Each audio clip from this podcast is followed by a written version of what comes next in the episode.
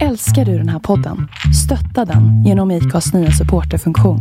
Det är helt upp till dig hur mycket du vill bidra med och det finns ingen bindningstid. Klicka på länken i poddbeskrivningen för att visa din uppskattning och stötta podden.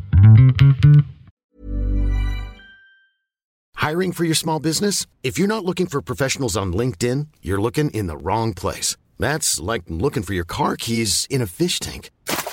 LinkedIn helps you hire professionals you can't find anywhere else, even those who aren't actively searching for a new job but might be open to the perfect role. In a given month, over 70% of LinkedIn users don't even visit other leading job sites. So start looking in the right place. With LinkedIn, you can hire professionals like a professional. Post your free job on linkedin.com slash people today. Välkommen Werner. Tack ska du ha Werner. Det er är roligt att ha dig här Werner. Det är alltid lika roligt att vara här Werner. Tack ska du ha Werner. Tack Werner. What is the source?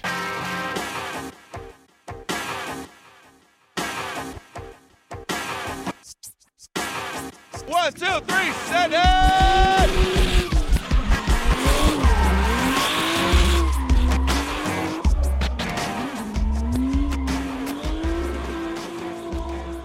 Hej och välkomna till ett nytt avsnitt av Driftpodden.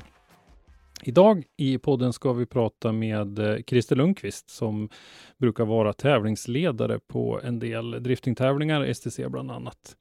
Vi ska prata och belysa lite likheter och skillnader mellan drifting och andra sportgrenar och fundera på vad vi kan lära oss och eh, vad vi ska undvika för någonting. Välkommen till Driftpodden Christer Lundqvist. Tack så mycket. Ja, Christer, du är väl eh, kanske inte ett riktigt household name inom driftingen, men eh, du är ju känd ändå inom en, en del i alla fall eh, av driftingvärlden som tävlingsledare. Har ju varit tävlingsledare i en del STC-deltävlingar bland annat. Så att, eh, hur många tävlingar har du varit tävlingsledare på eh, inom drifting? Inom driftingen borde det bli, Nu ska vi se, eh, tre borde det bli där jag har varit huvudtävlingsledare. Mm. Sen har vi ju sett dig på Mantorp Park några gånger där du har eh, gått med lite grann och stått och observerat och sådär. Ja, jo, jag, jag har väl eh, försökt gått lite grann tillsammans med Max där och det, det gäller att hålla sig uppdaterad. Mm. Och särskilt när man är, när man är ny. Mm. Precis, ja. Eh, jag tänkte vi kunde börja lite grann med, med dig och din bakgrund. Hur, eh, eh, om vi börjar där kanske. Vem är Christer? Var, vart bor du och vad har du för yrke och familjeförhållanden och så vidare? Eh, ja, eh, nyss, nyss fyllda 40 får man väl säga. Eh, kommer ursprungligen tre mil norr om Gävle. Det blir, bor nu i centrala Gävle tillsammans med eh, sambo. Ja. Mm. Har du något yrke eller livnär du som tävlingsledare? Eh, jobbar som eh, drifttekniker eh, på eh, fjärrvärmenätet i Gävle. Mm. Det är väl mitt vanliga yrke. Ja, just det. Om vi kikar på motorsporten mer specifikt, då, vad har du för bakgrund där? Hur, har du varit aktiv själv eller hur har du kommit in i det här? Ja, man får väl skylla på farsan där. Eh, han tävlade i rally på 70-talet.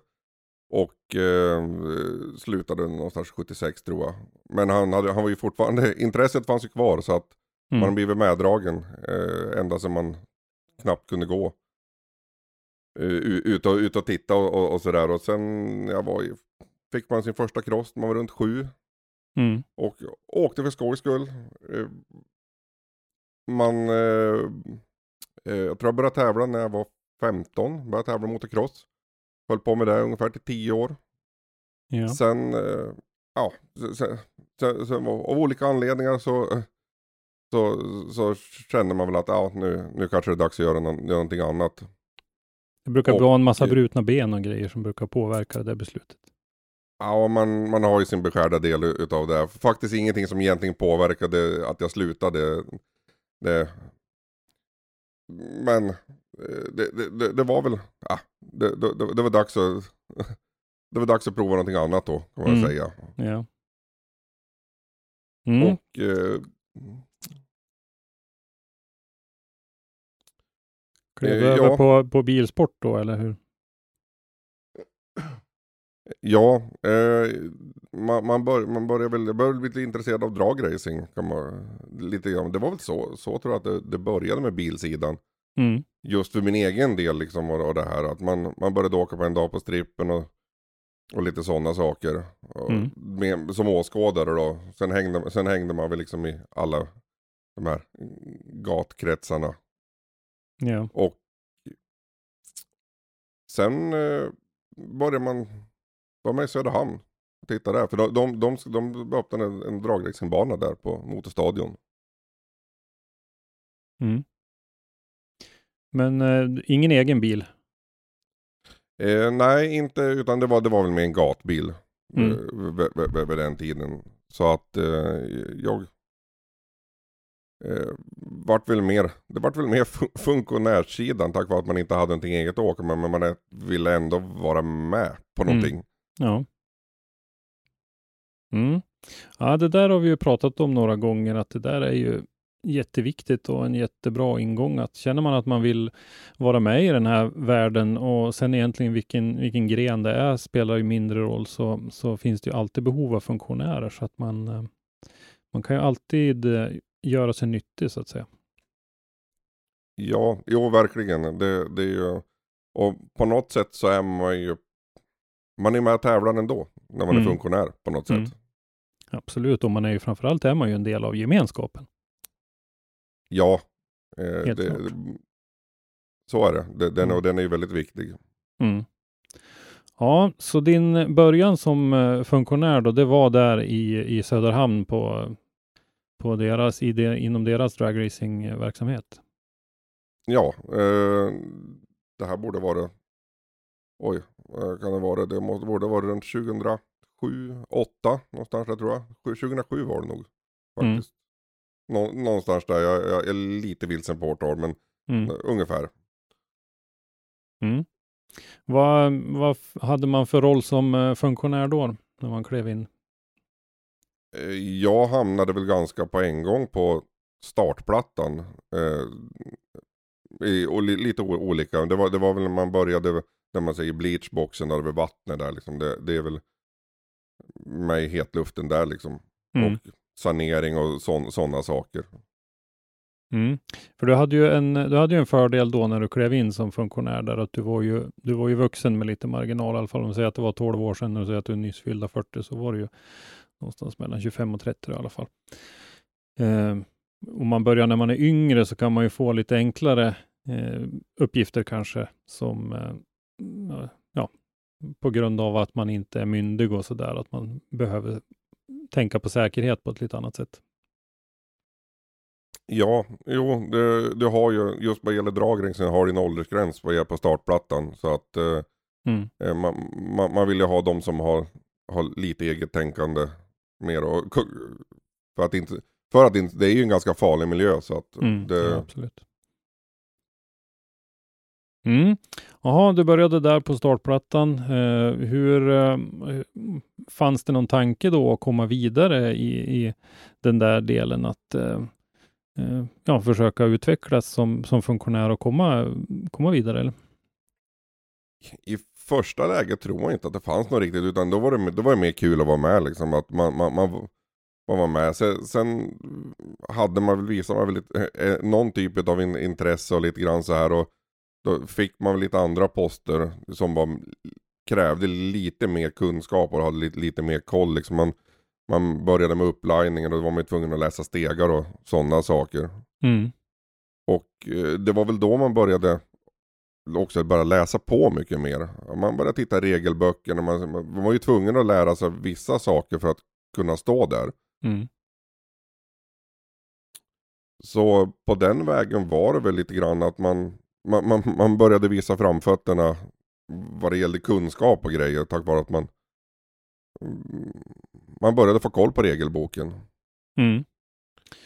Eh, jag är ju också sån. Eh, jag har ju läst på rätt mycket när det gäller driftingregler och sånt där, för jag känner att eh, i min roll som kommentator till exempel i livestreamen så vill jag ha ganska bra koll på, på reglerna och kunna Eh, uttrycka mig om saker. Men eh, hur känner du då med, med andra funktionärer? Du kände inte att alla hade riktigt det intresset? Nej, det, det, det är väl lite grann så. Det, och det blir ju så, för då, var det, då handlade det mycket om... Det var, mycket, det var ju väldigt mycket... lo- Det var ju egentligen bara lokalt kan man väl mer eller mindre säga. Så att många kom, tyckte att det var kul att hjälpa till, men man kanske inte hade ett intresse av att sitta med regelbok. Men det fanns ju alltid positioner man kunde ha.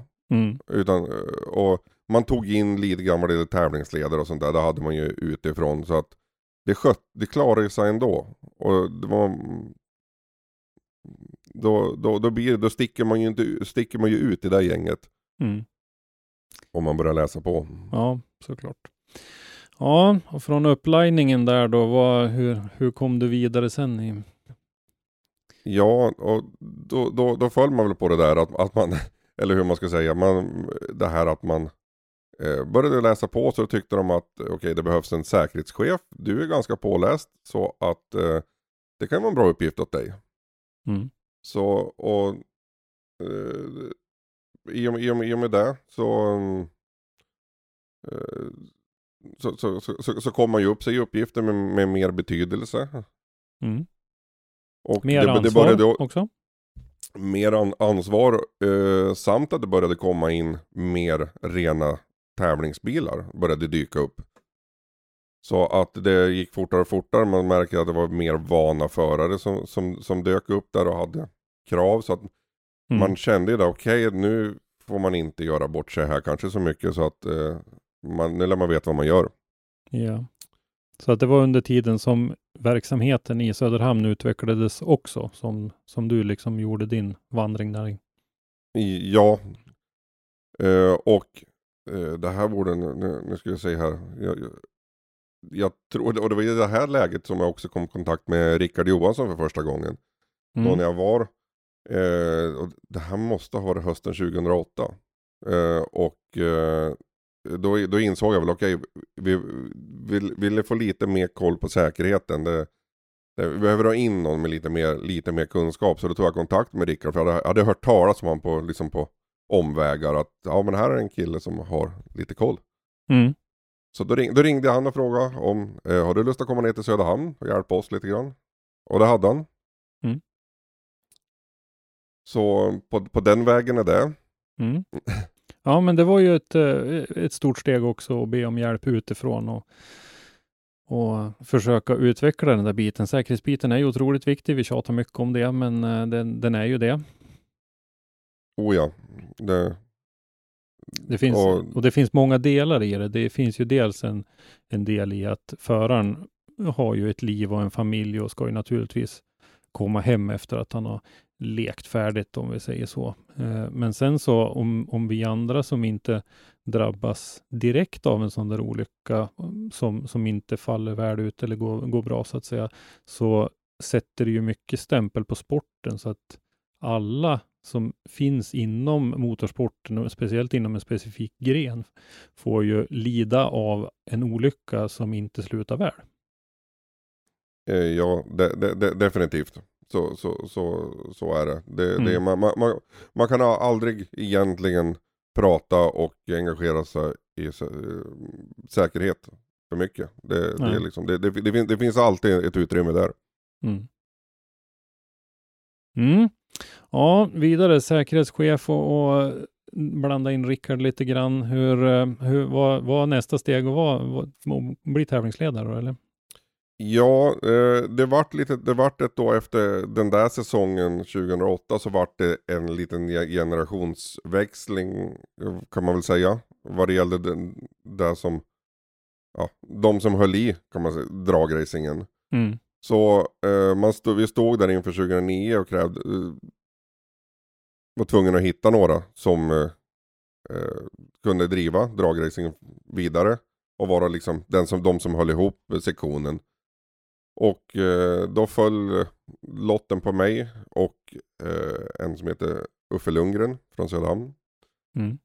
Och vi delade på ansvaret då, för vi, vi insåg att okej, vi, vi bör nog vara två för att det här ska funka.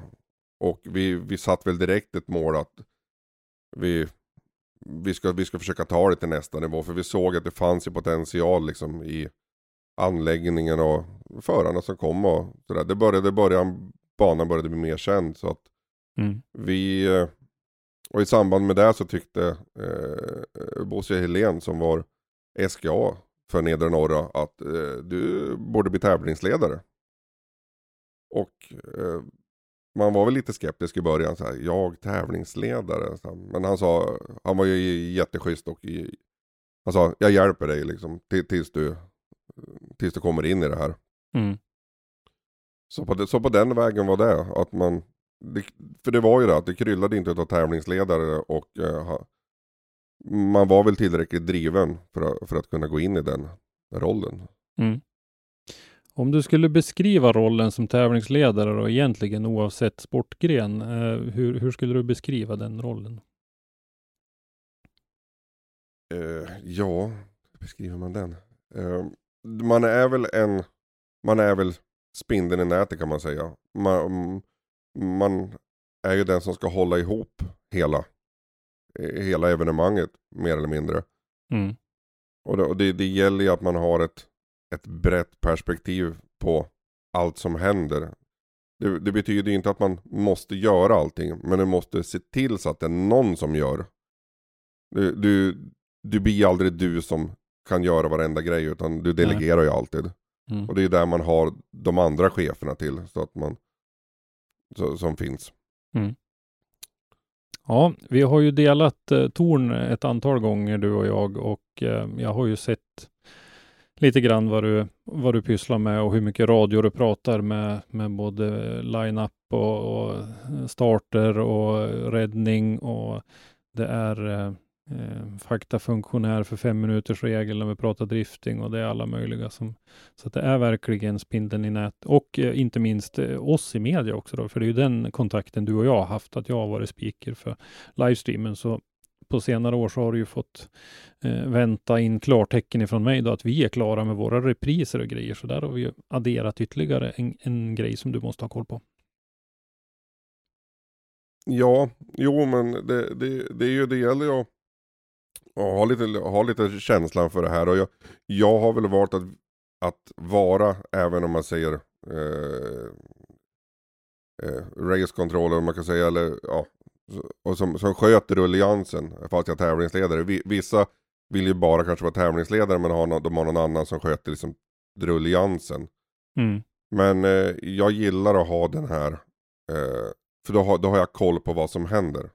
Det, det, då har jag hellre någon som kanske gör vissa andra, man har en biträdande tävlingsledare som gör vissa andra, andra uppdrag. Men mm. man, man har lite lättare att styra evenemanget när, när man när man sköter det. Och det, det här hänger väl kvar sen dragracing, för där är det väldigt mycket så att som tävlingsledare då sköter du se till så att det rullar på under hela dagen.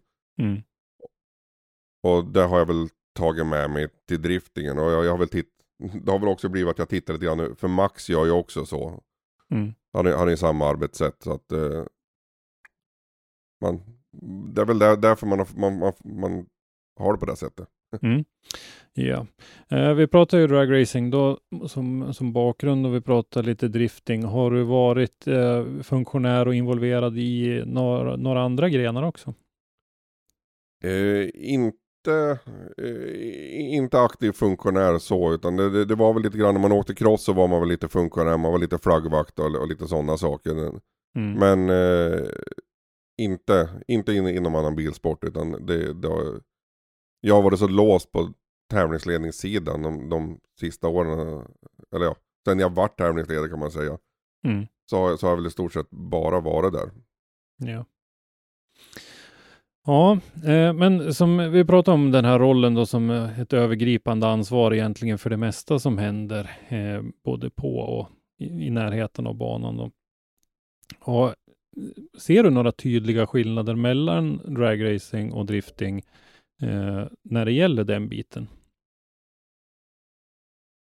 De är ju, de är mer, de, de är mer eh, lika än vad man kan tro faktiskt. Det, det är ju, det, det har ju, de, de stora väsentliga skillnaderna det är ju ofta startfältena som är, som är mycket, mycket mindre i drifting.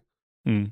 Så att det, det, blir, det blir de här, det blir de här korta intensiva körningarna liksom när det rullar på. Sen så blir det, har det, liksom blir det stopp däremellan. Medan dragracing är ju hela dagen. Det är, Mm. liksom, Och det är så många olika klasser och, och sådär så att det rullar på hela tiden där.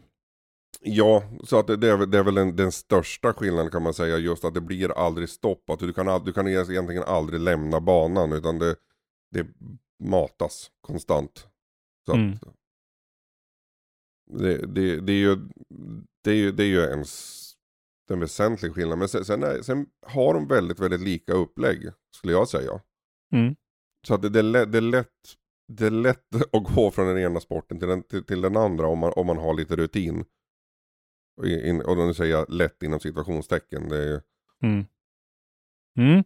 Om, ser du några kulturskillnader då mellan grenarna som underlättar eller försvårar din roll? Om man ska vara, jag kan kasta mig ut i, i det blå och ha lite fördomar jag, när jag säger att eh, dragracingförarna har ju en högre medelålder än vad driftingförarna har.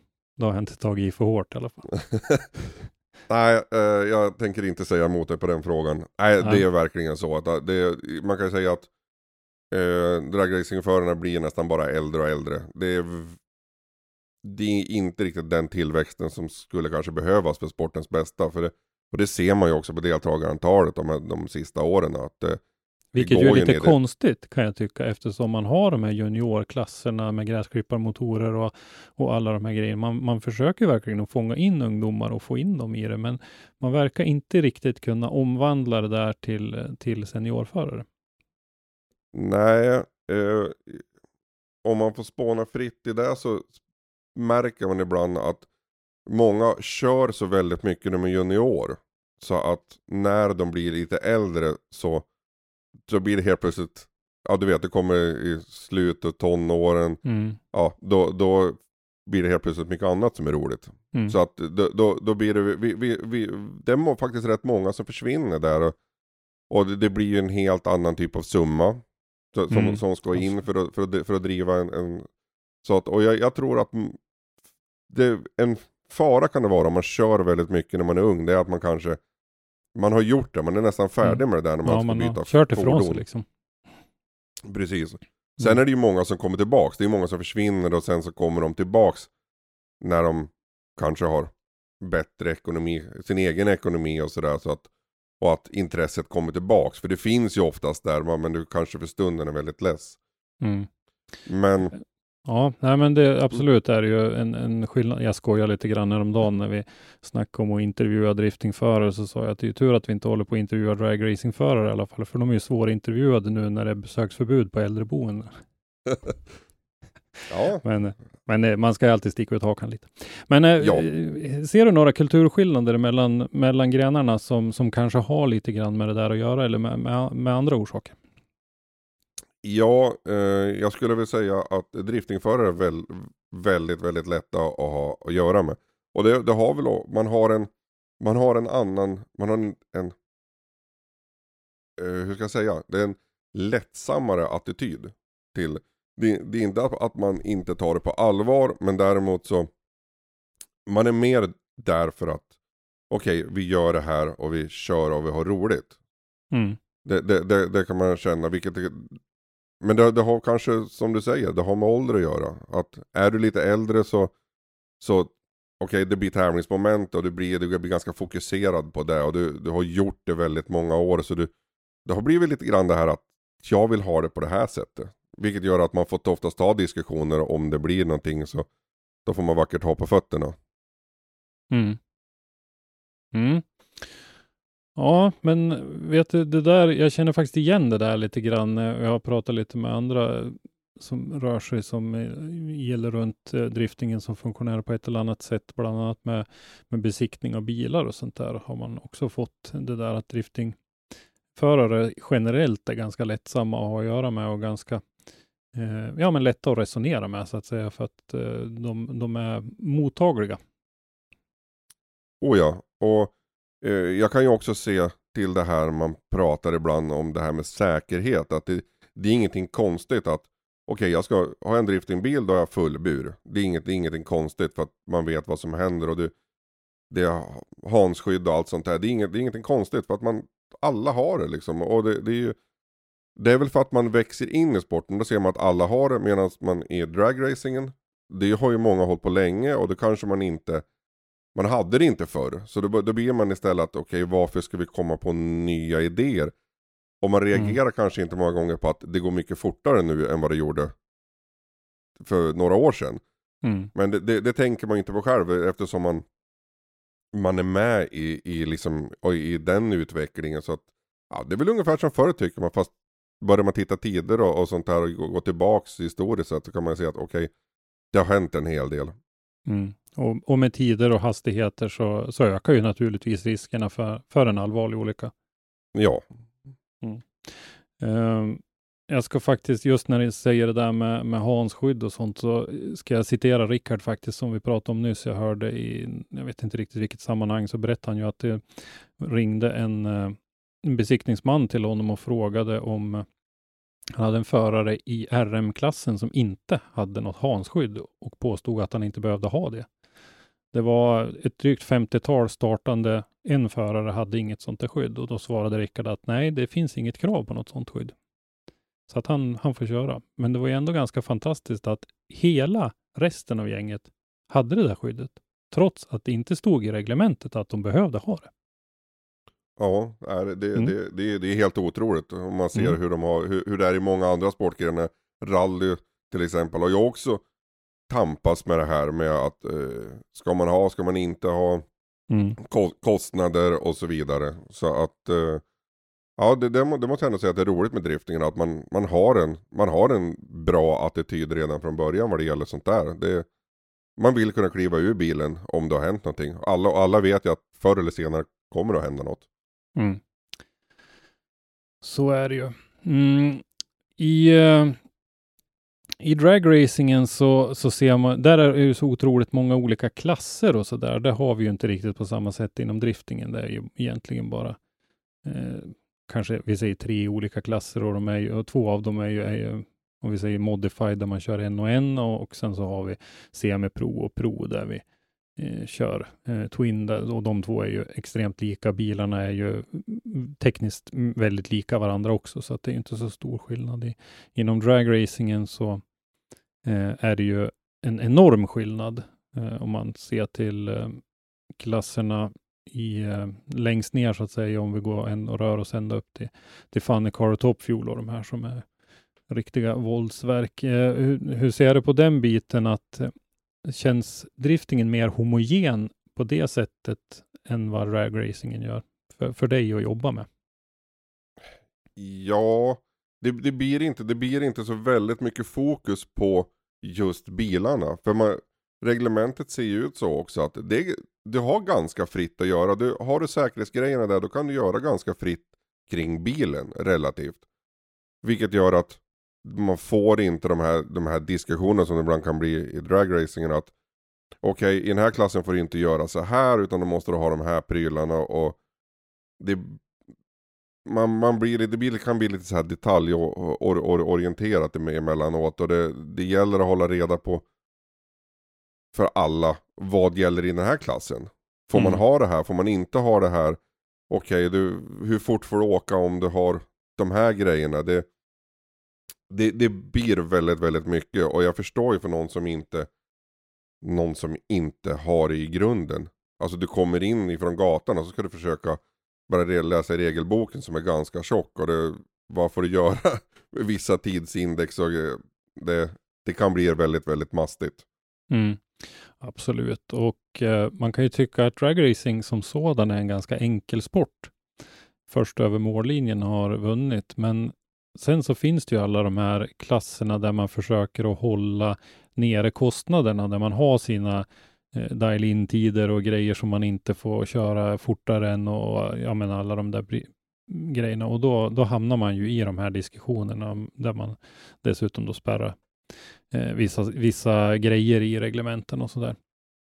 Jag är inte alls detaljinsatt i dragracing, men jag har ju eh, tittat lite grann i alla fall. Så att, eh, det, det, är lite besvärligare än vad man kanske tänker sig vid en första anblick. Ja, det får jag väl säga. Det, det, är, ju, det, det är ju tanken är god oftast och, det, och det, det är ju så du behöver ha det där för att det ska på något sätt kunna jämna ut mellan, mellan bilarna. Så, så behöver man de här, de här olika tidsgränserna för att eh, man ska få någon jämnhet, att det ska bli något tävlingsmoment. Annars blir det ju på en gång bara den med mest pengar och den som satsar hårdast, den, den vinner alltid. Mm. Så att eh, det, det är ju, jag, jag, jag, för, för, vet och förstår tankesättet bakom det hela. Men det, det, det är ju, har man varit med i ett tag så är det inte så konstigt. Men utifrån kan det vara väldigt bökigt. Mm. Uh, vi, det blir mycket snack om dragracing nu, men, men det intressanta tycker jag är den här jämförelsen och jämföra en, en sport som är ganska mogen ändå i Sverige. Uh, jag vet inte riktigt när dragracingen kom till Sverige. Var det tidigt 70-tal någon gång eller?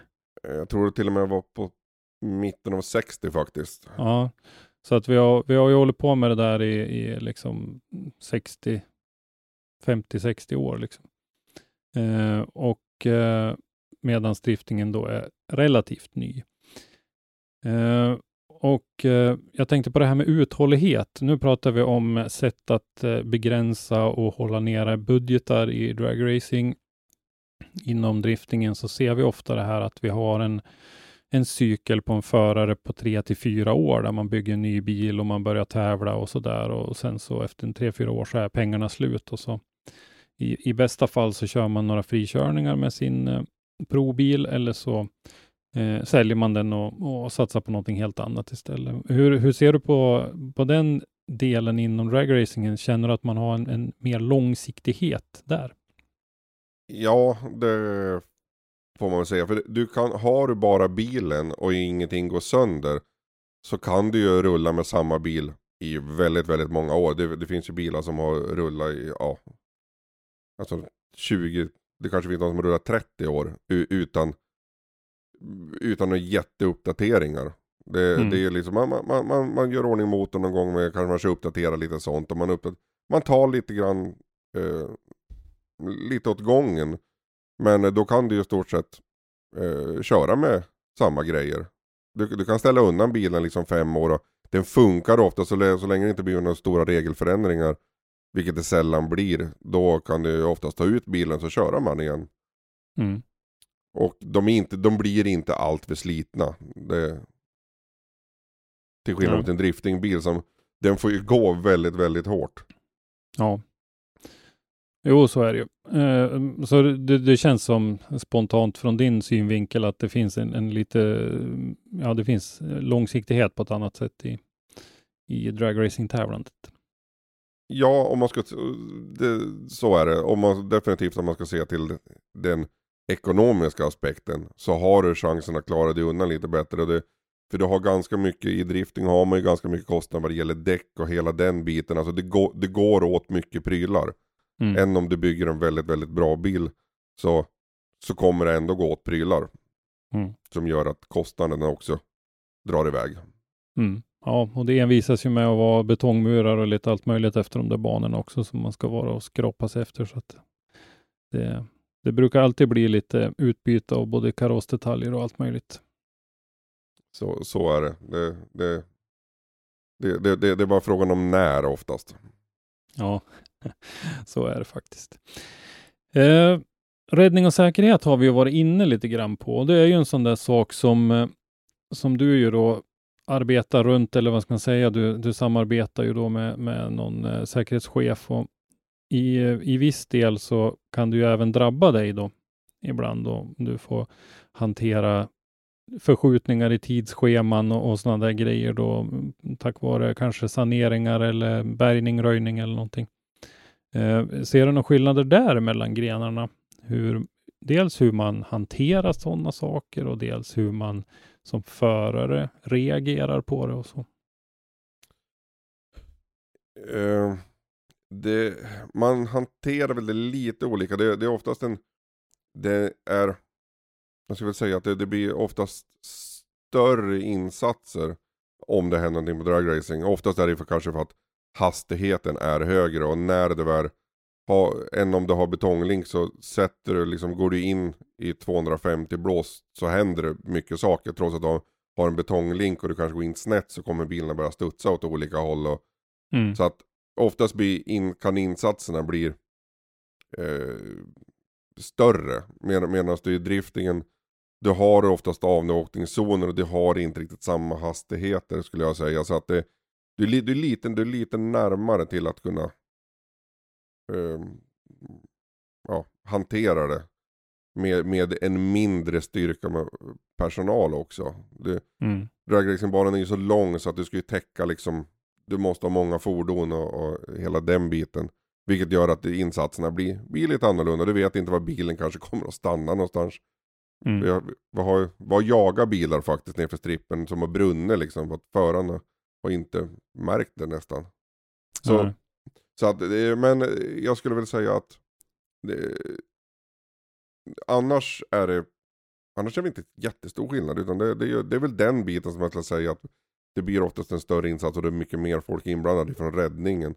Medan Mm. du på driftingen har en komprimerad arena vilket gör att det, det blir det blir ofta stopp där det blir stopp liksom och du, du kan vara väldigt snabbt framme och Mm. vara mer mobil. Mm.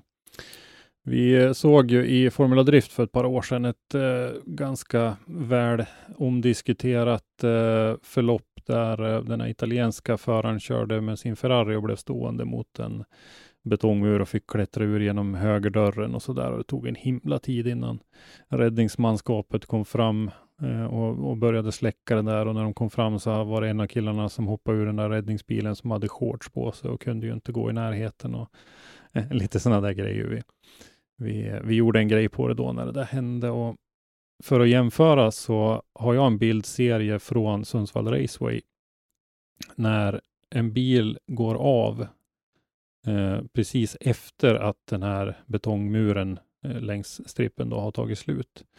Och i samma veva som den här bilen passerar över den högra bankanten så passerar räddningsbilen över den vänstra. Det tycker jag är en fantastisk bild. Därför att Ja. det visar vilken beredskap det finns. Alltså bilen hade inte hunnit av banan ens, utan när den passerar kanten, då passerar räddningsbilen andra kanten och var på väg redan. Ja, nej, men det, det, det, är, ju- det är helt fantastiskt. Det, det, när man ser att man redan är på gång så det, det, i stort sett så stannar bilen samtidigt som räddningsbilen stannar, stannar bredvid. Liksom det, Mm. det, det är ju det är ju så man vill att det ska vara. Ja, och det är ju en, en jätteskillnad och eh, Formula Drift har väl inte riktigt, eller hade inte fram till dags dato då i alla fall, eh, hängt med riktigt med räddning och sånt där, utan det var lite, lite High Chaparral och de fick köra banan mot körriktningen för att komma fram till den här olyckan och då var man ju först tvungen att låta leadbilen köra färdigt sitt varv innan man ens kunde åka. Så Ja. det var ju en, en riktig groda.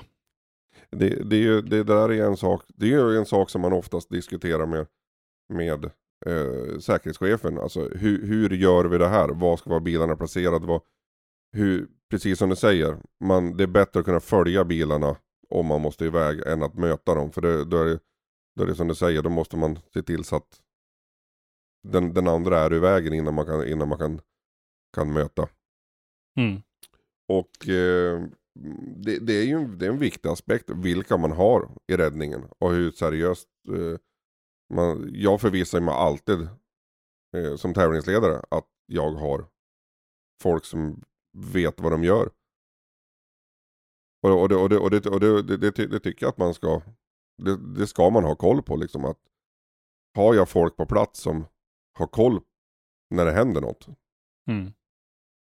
För tyvärr så har det varit en, det, var, det har varit lite grann in, inom motorsporten att man genom åren har, ja men, ja, men du, du, har du någonting att göra? Så bara, nej, ja, men sätt bara brandställe här så kan du vara med på räddningen. Mm. Och, det, och det, tyvärr så, så är det återigen att det, det, det är väl, det är inte riktigt där vi borde vara. Nej. Det, det har Mm. mer, mer varit att man försökt fyllt en plats. För att det har stått på ett papper att det ska vara så här många gubbar. Mm. Ja, nej men det där med, med räddningen och, och det, det, det är som sagt en, en otroligt viktig del och det jobbas ju på mm, det här med reglementen och grejer och driftingen har ju faktiskt ett räddningsreglemente nu. Eh, det är eh, ganska färskt och det men det är ju någonting att utgå ifrån i alla fall, hur många eh, fordon man behöver vid ett event av en viss storlek och så vidare. Så att det är ju, jag ser det som en stor fördel att det har kommit till ett sådant reglemente för driftingen som någonting att utgå ifrån i alla fall. Oh ja, det, det, det, det blir, då, då har man en, en grund. Och förarna vet ungefär vad som förväntas när man är på ett ev- eh, event. Mm. För det där är ju också en grej eh, som vi har eh, diskuterat förut med vad förväntar sig förarna och vad kräver förarna? Och vi har, eh, jag vet vi delade någon, eh, något videoklipp från Youtube också där det var en, en dragracing-gubbe från eh, USA som eh, pratade om det där att man ska, man ska kolla, kommer man till en ny bana som förare så ska man kolla ser säkerheten god ut, eh, är allting på plats och så där. Och gör inte det så pack your shit up and leave. Fan. Det var Precis, liksom ja. inte- Ja, det, det, man- det, det, är ett jätte, det, det, är ett jätte, det är jättebra eh, videoklipp som, som man gjorde där. Att, för det, Mm. det är verkligen så att det ligger också på föraren att ställa krav på arrangören. Mm. Att om förarna bara säger att ah, men det är lugnt, det händer nog kanske inget. Men förarna har ju faktiskt den positionen att de kan ställa krav. Att Mm. vi, det, här vill, det här vill vi ha. Mm, Och Absolut. man, man ska vara om, om sig och kring sig. Det, det är aldrig fel. Och Man, det är aldrig fel att ställa en fråga om någonting. Om man tycker att det någonting ser konstigt ut eller någonting ser farligt ut. Det, ta, ta upp det. Det är Mm. bättre en gång för mycket, en gång för lite. Att det är någon som kanske tänker till.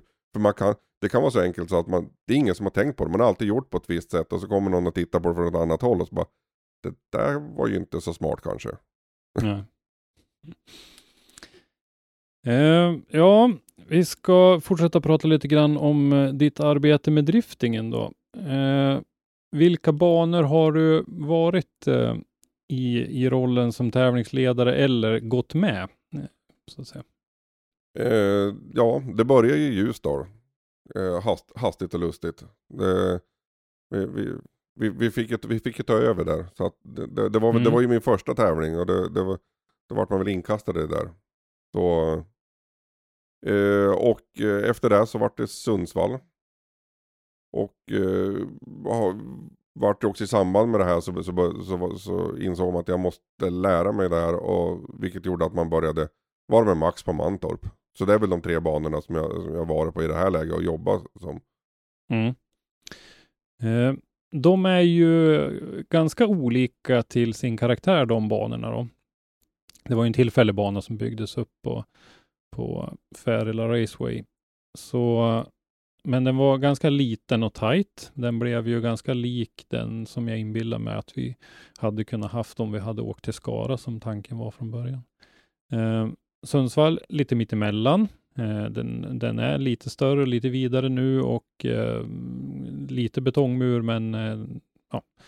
Och så Mantorp då som är en, en stor bana. Eh, hur känner du någon skillnad i, i din roll där? Hur, hur, det, hur, hur banan påverkar sig?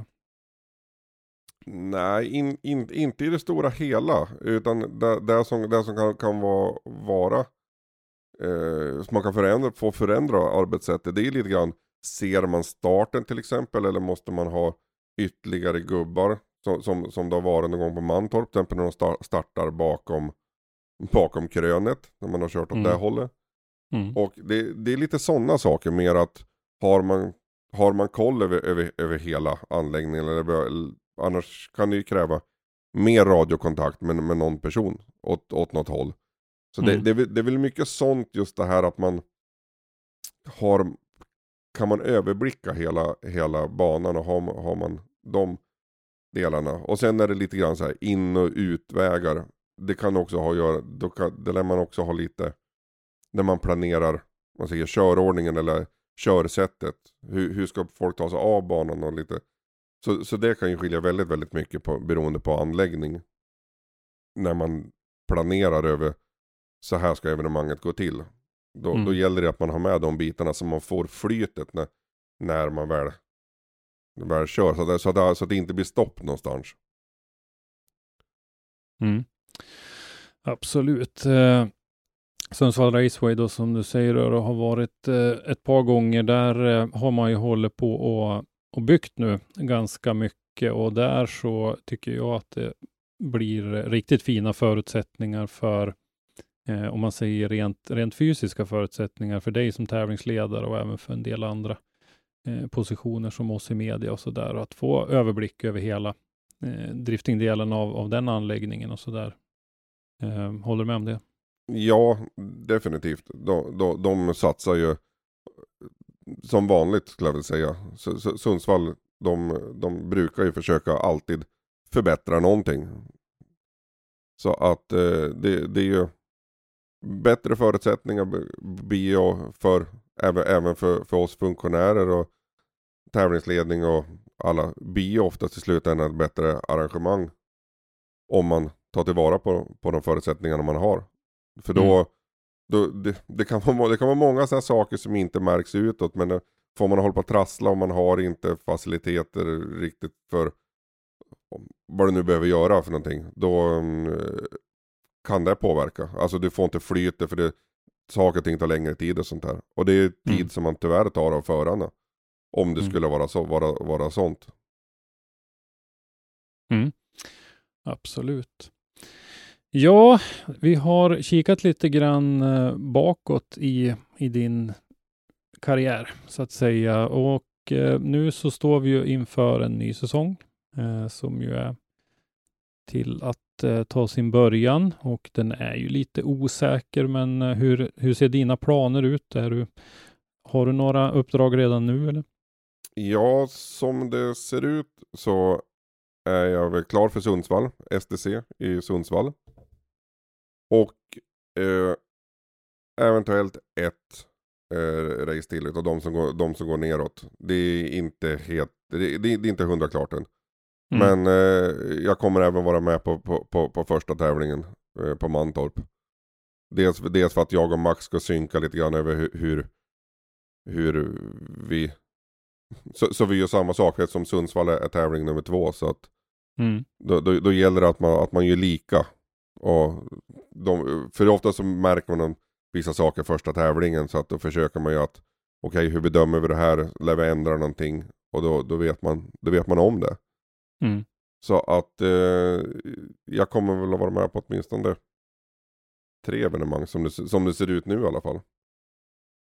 Mm. Sen eh, är det ju också planerat för en fristående tävling i Ljusdal. Ja. Så det är väl planen för i år. Jag kommer troligtvis att fin fin finnas även på gatubil på Mantorp i någon typ av roll. Mm. Hur eh, årets eh, 10 000 dollars eh, fråga är ju hur tror du att vi kommer att fram, framleva den här eh, säsongen? Tror du att vi kommer att ha publik och så där, eller hur? Vad är din känsla för eh, pandemiläget? Ja, det, det, var, det, var, det, var, det var en bra fråga. Det var den mm. svåraste den här veckan. Äh, det, det, det ändrar ju sig så otroligt mycket nu och det, det kommer inte, man vet inte hur det blir med vaccin och det, det, vet, de, de verkar, det verkar inte vara någon som vet just nu. Nej. Men eh, man hade ju åtminstone hoppats på att det skulle kunna lätta till hösten om jag säger så. Jag, jag, har, mm. jag, har, jag har ingen tanke om att man kan köra publik över event liksom i början av sommaren. Det kan jag inte tänka mig. Däremot så kan man väl alltid hoppas på att det har hänt någonting framåt hösten. Att man skulle kunna få, åtminstone utomhus, köra lite mer publikt. Mm. Ja, absolut. Eh, det, det, får vi ju hoppas på. Och eh, eh, att vi får den säsongen så att säga som vi som jag känner att svensk drifting behöver. Vi behöver en bra STC-säsong nu.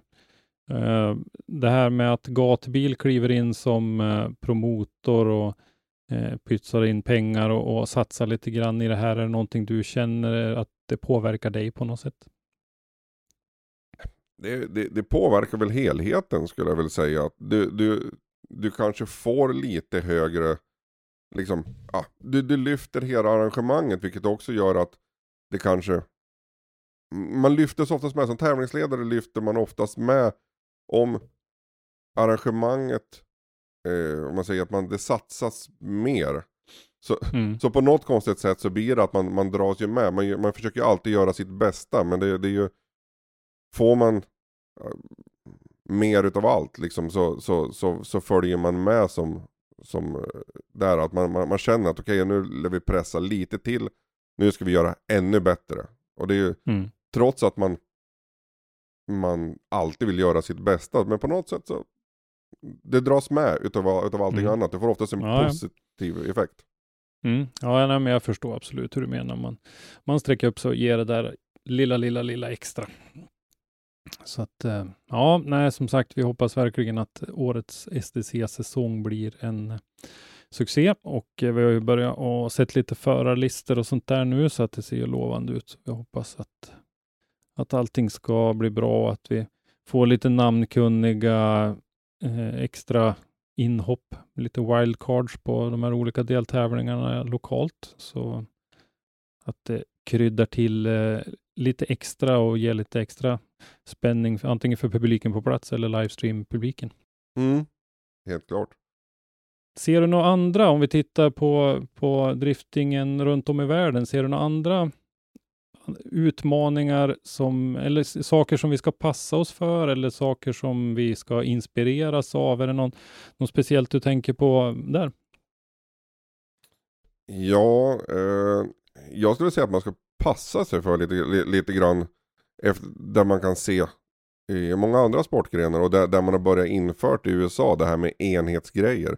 Man ska ha enhetsdäck, man ska ha enhetsmotorstyrning och Mm. jag, jag ser ju en fara i det för där har vi sett att man har försökt med rally här i, här i Sverige under SM, det här med lite enhetsgrejer och det brukar inte vara så väldigt väl mottaget. Nej. Eh, och jag, jag tror ett av problemen är att man i Sverige, här är vi ju alla privatteam mer eller mindre. Och det går inte att jämföra med ett större land där man har mycket pengar inblandat. Vilket gör att här blir alla som säljer grejer och alla som köper grejer blir liksom Det hänger ihop mycket mer. Skulle det införa ett enhetsdäck, ja då skulle det bara bli en handlare kanske som Som får ta del av det. Och i andra änden så är det många som kanske har sponsor if- ifrån någon. Ja då Mm. kan du inte. Så att ja, det där, är- det där är jag väldigt, väldigt skeptisk mot. Åtminstone i Sverige. Det, man ska nog inte hoppa på det här tåget. Jag tror att det kan, kan vara väldigt dumt för sporten. Mm, nej, jag håller helt och fullt med. Och det vi pratar om då är ju Formula Drift ProSpec, där man ju dels har ett eh, GT Radial däck som man ska använda i år och dels då så ska ju eh, Link ECU bli deras eh, standard motorstyrning bland annat. Och där man, eh, jag ser väl vissa fördelar med att man försöker att strama åt reglementet eh, och försöka att göra bilarna billigare så att fler ska kunna delta i i deras instegsklass då, så att säga. Men jag tror precis som du att det här med, med enhetsprylar och bestämma vissa delar är, är helt fel väg att gå. Och tyvärr så ser vi ju att vi är ju lite grann på väg åt det hållet i Europa också. Eh, även Driftmasters kommer ju att styra vilka däck man kommer att få åka på, fast där kommer det inte att vara bara ett och ett märke, ett däck och ett märke, utan det kommer att vara ett antal olika. Eh, och eh, det å sin sidan då kan, kan jag se lite för och nackdelar med det, för att det har ju pratats om att eh, en del förare har haft så god kontakt med sina däckfabrikanter att de har kört på prototypdäck som eh, ingen annan kan få tag i, som har haft eh, ruskigt bra grepp till exempel. Och, och så där. Och det, det är ju naturligtvis eh, konkurrenshämmande, men, men eh, nej, jag är helt med det där att det är en eh, det är nog eh, fel väg att gå och jag vet inte riktigt vad, vad fördelen med det är heller. Jag vet inte om du kan tänka dig någon sån. Nej, det, jag, jag, jag, jag tror många gånger att det blir den här, den här stora seriesponsorn som vill, vill liksom vara. För det, för det blir ju så som Link är ju med på, som, så de är ju liksom där till exempel. Mm. Och eh, jag, jag tror lite grann att det, det, det blir de pengarna som styr lite grann var, varför det här händer. Och eh, man, man Tanken är, ju som sagt var, tanken är väldigt god att alla ska ha ungefär samma prylar, det ska inte bli någonting. Men eh, det där funkar nog mer på en högre nivå. Om, om vi tittar på, om vi, om vi tar som rally-VM eller Formel 1 eller alla de här stora. Det, där har det mycket lättare för där är det en helt annan typ av pengar som, som är inblandad. Mm. Medan man i Sverige kanske som, ja det, det är liksom ensam team, det är kanske familjen eller någonting sånt där och du, du har en sponsor lokalt liksom. Mm. Det, det blir inte de här, de här stora proffsteamen. Det blir kanske lite mer när det kommer ner i Europa och, det, och det, då, då åker liksom en sån serie, ja men då kanske det blir en an, ett annat upplägg. Men så länge vi håller oss i Sverige så tror jag att man ska vara lite försiktig med det där. Mm. Ja, nej, men det var absolut ett, eh, intressant inspel. Det håller jag helt med om. Eh, när, när vi ändå är inne på det lite grann det här med eh, jag, jag, jag kommer att tänka på en sak här. Men, eh, det här om man ska titta på vad man kan ta ifrån andra sportgrenar och vi var inne på dragracing så finns det faktiskt en sak där som jag saknar lite grann i driftingen som man skulle kunna använda. Mm. Och det är ju faktiskt möjligheten att använda en, du använder kvalresultatet. Alltså du, vi pratar bumpspot som vi säger i dragracing. Sista kvalplats. Och att man hela tiden skulle få ha live på det. För då skulle också kvalkörningarna bli väldigt, väldigt mycket mer in, intressant. Då, då har du någonting du kan förmedla till publiken. Det är faktiskt en sak som jag det kanske inte är typiskt drifting men jag tror att det är någonting som skulle vara intressant för publiken när man sitter och tittar på ett kval. Du vet hela tiden vem som har kanske sista kvalplatsen och eh, vad som behöver presteras för, för att ta sig in. Mm. Och där, där kan jag faktiskt ge lite info. Eh, därför att det där är ingenting som man inte har tänkt på, utan det där är ett aktivt val man har gjort. Därför att eh, vi, eh, eftersom jag har varit delaktig i livestream-sändningarna så har jag ju samarbetat väldigt mycket med eh, tävlingssekreterarna om poäng och så vidare. Och vi har ju delat system för det. Och då har vi även delat ut en fil som eh, förarna har fått tillgång till. Så att de har kunnat se live i den filen hur eh, mycket poäng respektive åk har gett i första kvalrundan. Sen i andra kvalrundan, då har man inte delat med sig av de resultaten därför att man vill presentera kvalvinnare, eller ja, eh, presentera stegen så att säga på förarmötet efter. Så att det, är, det där är Mm. ett aktivt val som man har, har gjort och vi, vi har diskuterat det där därför att det låg ju inte i, i min fördel, eller till min fördel som kommentator att gå miste om den här informationen. Så att eh, vi, vi har faktiskt diskuterat det ett par tillfällen. Så att nej, jag håller helt med dig. Det, det är lättare för eh, publiken både på plats och livestream-publiken att hänga med om man får en sån, en sån vad, vad krävs det för att knuffa ner? Och det kan man ju titta Red Bull TV har ju till exempel i Drift Masters. Det är väldigt Mm. tydligt. Så att, nej, Det- absolut. Det, det är ju oftast det, det, det, det som också kan, kan vara lite grann det, är- det är att det kräver att man har ett system som är, är, är väldigt snabbt så att du verkligen hela tiden har det. Men eh, det, är ju, för, från, det, från den sida jag kommer så, så känner jag att det hade varit väldigt intressant. Sen, sen har man ju gjort ett, då, gjort ett aktivt val men om jag, om jag hade fått vilja sett någon utveckling så hade jag faktiskt velat haft det åt andra hållet. Men det, Mm. det är jag det. Mm. Nej, men absolut. Om vi tittar på systembiten där då, där har väl eh, dragracingen också en, en mognad. Eh, för där finns det väl en del olika system och, som är färdiga att köpa in sig på som man bara kan använda om man vill arrangera en tävling. Ja, du har ju, du har ju några olika system. Om man att de, det största det är väl kanske Porta 3, alltså det är ett amer- amerikanskt system då. då, då. Men här, som det har blivit nu här i, man kan väl säga att främst Skandinavien. Så använder man ett svenskt system som heter Time Tree. Och det är ju Lelle Olsson som har utvecklat det, som har Nitros. Ja. Och eh, det, det systemet är ju väldigt, det är ju väldigt uppdaterat skulle man väl kunna säga. Och det, det, det, det har, du har en fördel när, när, när du kör här att använda det. För det, du har lätt reservdelar om någonting ska hända. Och det, nu har det blivit faktiskt en standard så jag tror i stort sett alla banor. Eh, nästan alla banor i Sverige, om, om inte alla banor eh, har, har det system. Även Norge har köpt in nu. Vet jag, Finland har också något system. Vet inte om det har kommit ut, ut på några av banorna neråt i Europa, det kommer jag inte ihåg. Men Det, det, det sprider sig och det, Mm. det, det är ett bra system. Så att Mm. jag skulle ju vilja se ett sånt system även i driftingen. För där har du ju möjlighet att hela tiden publicera. Alltså det, det ligger ju, det är så väldigt bra utvecklat. Mm. Så, det, kan- så, så det, går- det, går, det går fort att jobba med det. Bara du får in siffrorna. Ja, nej men absolut, det är någonting för någon att ta tag i och jag vet att det har pratats om det också. Det har varit olika aktörer som har funderat på det där så att vi får väl se. Det kanske dyker upp någonting eh, framöver här för att eh, underlätta för klubbarna. För det, det behövs som sagt eh, för att hålla rätt på allting. Ja, om det, det, det är lite, det är ju så att växer sporten så, så, blir, så blir det ju också att det krävs mer funktionärer och du, du kanske inte alla gånger kan få tag i de här funktionärerna som är väldigt, väldigt vana och då kan ett system vara till ganska stor hjälp. Mm, absolut. Ja, men eh, Christer, då känner jag att vi har fått lite koll på dig och eh, vi har fått lite koll på din roll som tävlingsledare och Eh, lite det här med, med skillnader mellan en, som jag ser det, då, ganska mogen sportgren i form av dragracingen och en som är eh, lite mer under utveckling fortfarande i form av driftingen. Är det någonting du känner att vi har hoppat över eller någonting annat som vi skulle behöva ta upp?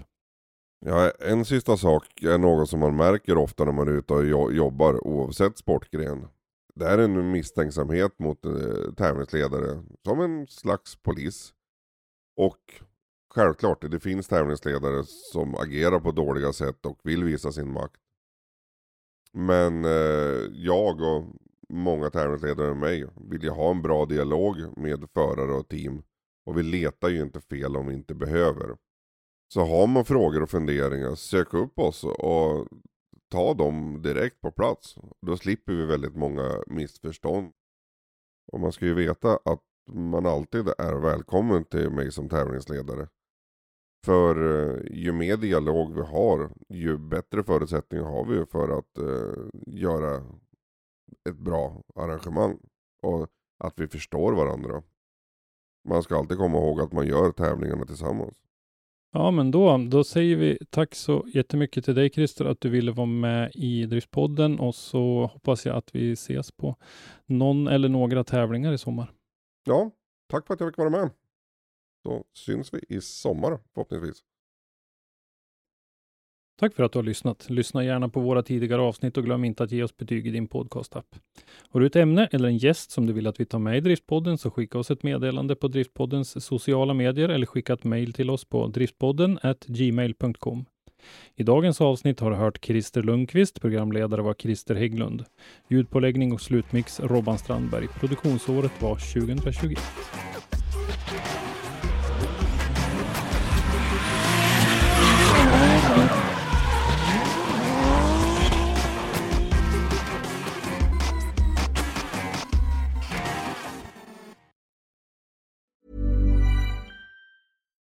Hi, I'm Daniel, founder of Pretty Litter. Cats and cat owners deserve better than any old fashioned litter. That's why I teamed up with scientists and veterinarians to create Pretty Litter. Its innovative crystal formula has superior odor control and weighs up to 80% less than clay litter. Pretty Litter even monitors health by changing colors to help detect early signs of potential illness. It's the world's smartest kitty litter. Go to prettylitter.com and use code ACAST for 20% off your first order and a free cat toy. Terms and conditions apply. See site for details. Hiring for your small business? If you're not looking for professionals on LinkedIn, you're looking in the wrong place. That's like looking for your car keys in a fish tank.